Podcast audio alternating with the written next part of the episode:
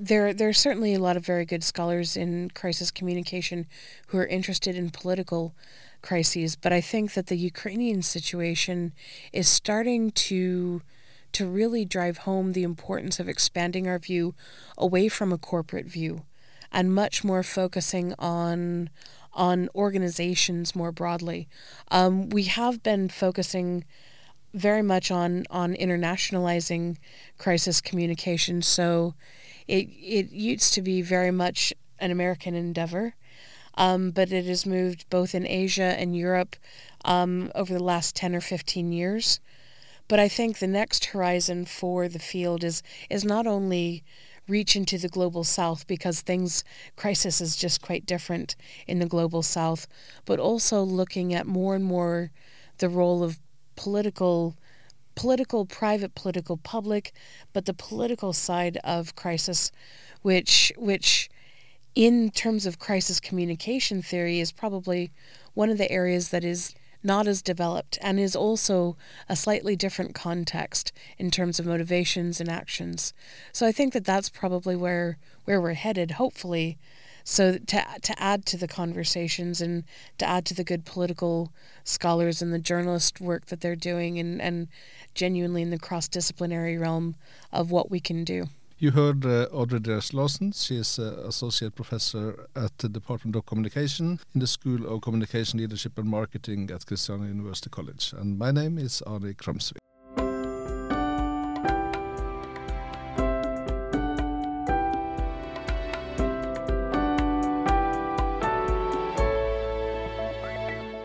It was quite an accident of circumstance. I came into communication because my family was always involved in advertising, well, photography, then advertising, and all in kind of a crazy niche horse industry. But the crisis communication side uh, was quite by accident. During my master's degree, I was interested because I was at the University of Wyoming, which is as rural as it sounds. I mean, for, for people who've seen Yellowstone in the wide open spaces, Wyoming pretty much is still that kind of wide open space. What I was interested in was how a group like the LGBTA, Lesbian, Gay, Bisexual, Transgendered Student Association, supported one another in in what was at the time in the 1990s not yet a terribly supportive, broader cultural environment for LGBT issues. I had um, gotten all the permissions, done all this sort of legwork to get involved in and embedded in what was going to be an organizational ethnography. And then two weeks into the study, a young man by the name of Matthew Shepard was murdered, who was a member of the LGBTA and actually is one of the two people who were murdered. One African American man in in uh, Texas and Matthew Shepard in Wyoming, that spawned the hate crimes legislation in the U.S. So all of a sudden, the the nature of the of the thesis really changed. My I can remember my um, dissertation supervisor calling me at six in the morning, which which as a graduate student is is kind of a rough time to wake up, and said, "Have you heard?" Said no, and, and explained what had happened to me uh, and and he said, you know, your your your master's is going to change. What it turned into was watching this organization that was a support based organization have to then become a media, a set of media experts, um, engaging with all kinds of stakeholders from all kinds of places, and it was genuinely interesting. So that really is what triggered my interest in crisis because watching these folks, and by the end of this, the academic year, having become really sophisticated in how they handled media, having conversations about authentic versus inauthentic journalists, um, people who are only after their own good, and then also systematic in here's how we create a response. Let's make sure we have our spokespeople who are emotionally prepared and, and, and emotionally prepared and, and go through sort of all of the layers of still supporting one another internally, but then representing the group externally. It became a really interesting and, and quite organic lesson in crisis communication, and it just intrigued me. And so th- that's where it really came from. Is is in in watching people handle stressful situations? What can you learn about it? And that's what for me has changed over time. I became less interested and have become less academically interested in the crisis response and more in crisis prevention too. Because how then then the question becomes okay, if we respond well, that's great, but how can we even mitigate th- this becoming to begin with, or at least lessen the effects? Crises are unavoidable, as the pandemic um, and certainly the Ukrainian situation points out. But how can we better prepare and ease people, give people the information they need to stay safe, to do the best that they can for themselves, protect our organizations, and manage the relationships from there. So, so it really kind of started from just an accident of of, a study. As a researcher, getting access to people that you can interview is always um, an issue. And, and you have done several studies of, of organizations in crisis. How do you manage to, to, to get that kind of access? In a lot of cases, right place, right time, um, and also as as as I get older, having a better network, because that that ends up being the hardest thing. the The last thing most organizations want in the midst of a crisis is a crisis researcher underfoot, and mostly because they just don't want the the laundry aired.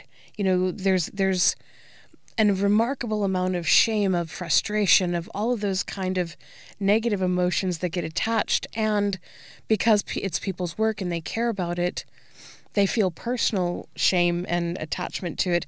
So no one wants that kind of laundry aired. But but I've had good fortune with with networks being in the right places at the right times and and then just asking. I've I've certainly been turned down a number of times. For example during my PhD program I really wanted to work with the Indigenous Women's Network. And I went to a meeting with their elders and lovely lovely interesting women who very very politely over the course of an hour explained that because of what my identity was even though they, they were confident that my interest was was well intentioned here's this history of native peoples in the US of well-intentioned white folks causing problems. You, and and and so you get you get told no a lot too. So it's partly the networking, partly being willing to to get told no and and not feel too badly about it. When you are advising your students, the master students and uh, bachelor students uh, that are interested in making a a thesis on this this kind of issue. How, how do you propose that they design those kind of studies? Honestly, most of the time to to move it away from the organizational focus. Now, part of that is the access, because we've all probably had students batter their head trying to get access to organizations, and and and it's just difficult unless they have an organization they already work with, a placement who has agreed to be an object of study, those kinds of things.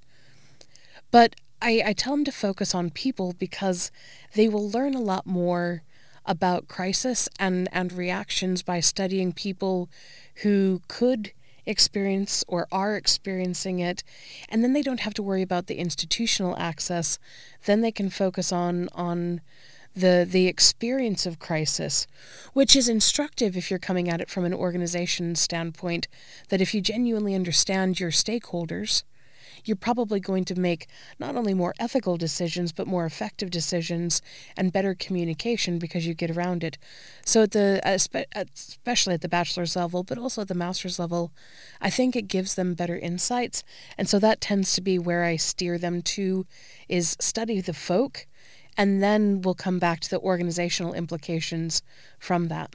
And how about yourself? How do you uh, design your studies? Um, uh, you know, I think a, about half the time these days it's sort of circumstance.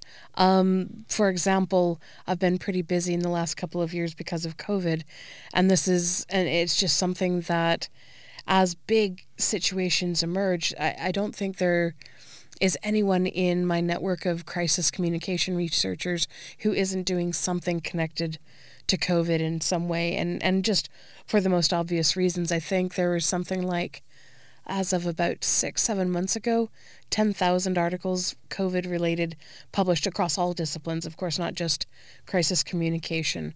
But that's crises happen every day, so it's figuring out what's the most interesting. Now, then there are the strategic ones. For example, there's a there's a piece on uh, of research that I'm doing right now related to Scottish independence and the role of both COVID and Brexit in connecting to Scottish independence. And that was very much because of personal interest. My husband is Scottish and and I was asked to write a book chapter on something political and so the two sort of coincided. Um, I've had a lot of good fortune in being able to to pick projects that I found genuinely interesting and and this this is going to sound a bit morose, or uh, not morose, but um, I don't know, a bit dark. But I'm intrigued by things that go wrong anyhow. Um, so not to me though, always not to me, but but I think it's it's interesting as things go wrong. We can learn about what's right and what's optimistic. Um, by looking at things that are going a bit wrong, and goodness knows there's plenty that goes wrong on a regular basis. So, so that's I I end up getting asked now. I have the good fortune of being asked to participate in projects that are interesting, or say, hey, can can you contribute to this? And here's a broad theme, and then I figure out what I'm working on. But one one piece of research that is, I think, going to be taking a lot of my time in the next two to three years came because of um, conference participation. I happened to meet a colleague, Ben Duncan, who does work with the World Health Organization, and we are starting to, as he asked me as part of a larger group, to contribute to risk communication and community engagement, and then and then also the opportunity has come up to to carve out a two to three year piece of a project to try and build a good relationship with Kristiania and then also with me more formally with the World Health Organization. So I you know, I talk about a bit of good luck and good fortune, but it's also I think being willing to chat with folks. Um, and and genuinely being interested in problem solving and and that that is I think for me what's the most interesting about crisis is is problem solving. What what can you as a researcher contribute to to those who are in crisis or those who don't want to get into a crisis? Well, what we hope to contribute, and we've actually, because of in some places how badly COVID's been handled, this is actually something that uh, we've been talking a lot about amongst my, my friends and colleagues in crisis communication. Is we need to make sure that we're making connections with practitioners, with people who are doing it, so to, so that what can we contribute, intelligence about how to help people make better decisions if it's about personal risk, help organizations make both more ethical and also more effective decisions, and how to communicate those. So so in I mean, it's not life and death. I don't. We're not doctors in in that kind of sense, but I think that we can make a genuine impact in terms of of how people can take self-protective behaviors and how governments and organizations can interact and communicate especially in in moments of genuine life-threatening crisis so that they make better decisions so that they're planned they can react better.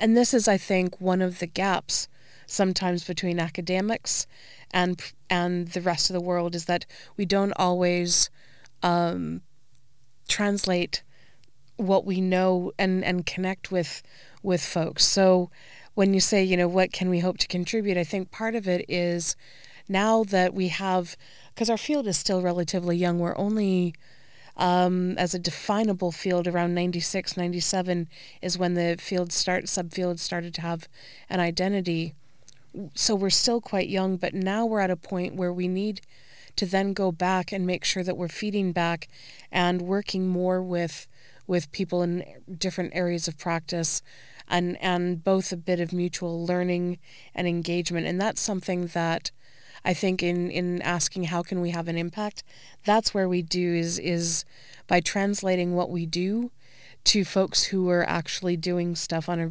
regular basis getting their hands dirty. In the business life, uh, people get um, peace and quiet uh, or get a night's sleep by by buying um, expensive retainers to experts in crisis communication. Is, is that necessary, or is it something uh, an organization can learn and and cope with with bad things happening? I, I think you probably need someone sometimes in, in big moments, but to be honest, organizations can learn a lot and do a lot themselves.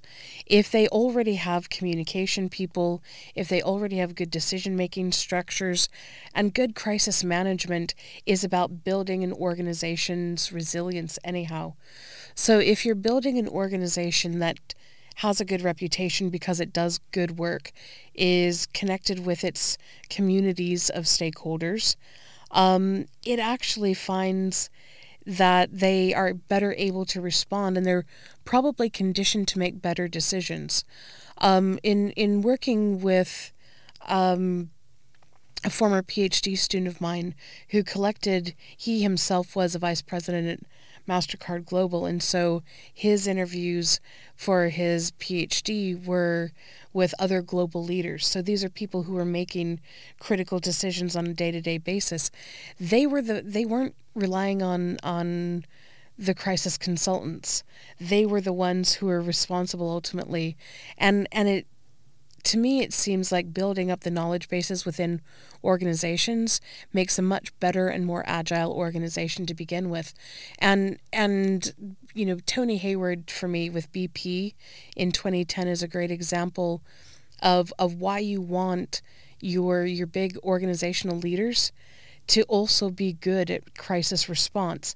He was a very good scientist, had a very good fo- safety focus, but wasn't exactly a fabulous communicator and and as he asked for his life back ended up shooting himself in the foot in terms of making BP's response to the 2010 explosion in the Gulf of Mexico feel as socially responsible as actually it was. In a very material sense, they responded well.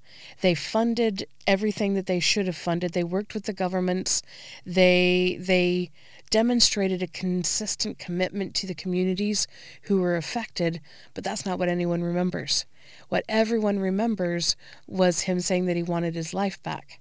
Um, and there were a few other gaffes that he made and that a couple of other institutional leaders made.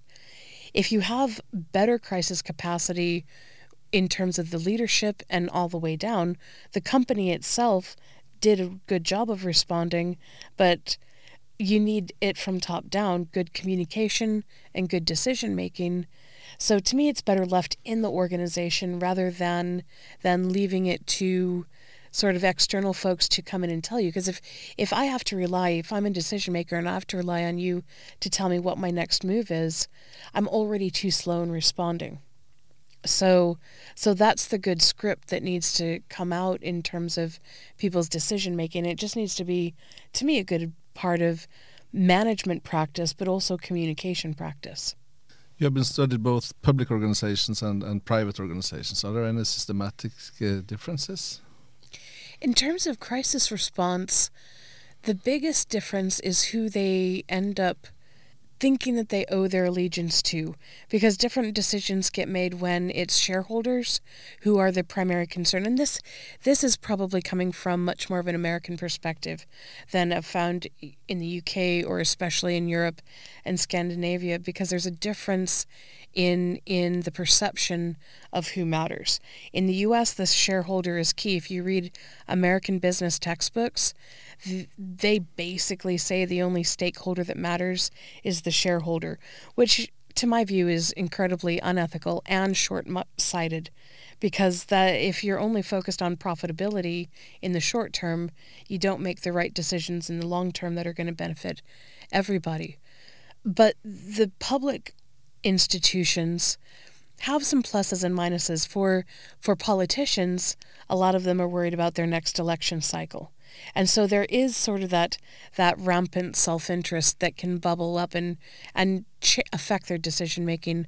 But by and large, public institutions because they're design by design responsible to a different set of stakeholders have to ask different questions or get different questions asked of them it doesn't necessarily mean that they're they make better decisions in the end but it does mean that I think different sets of questions are asked.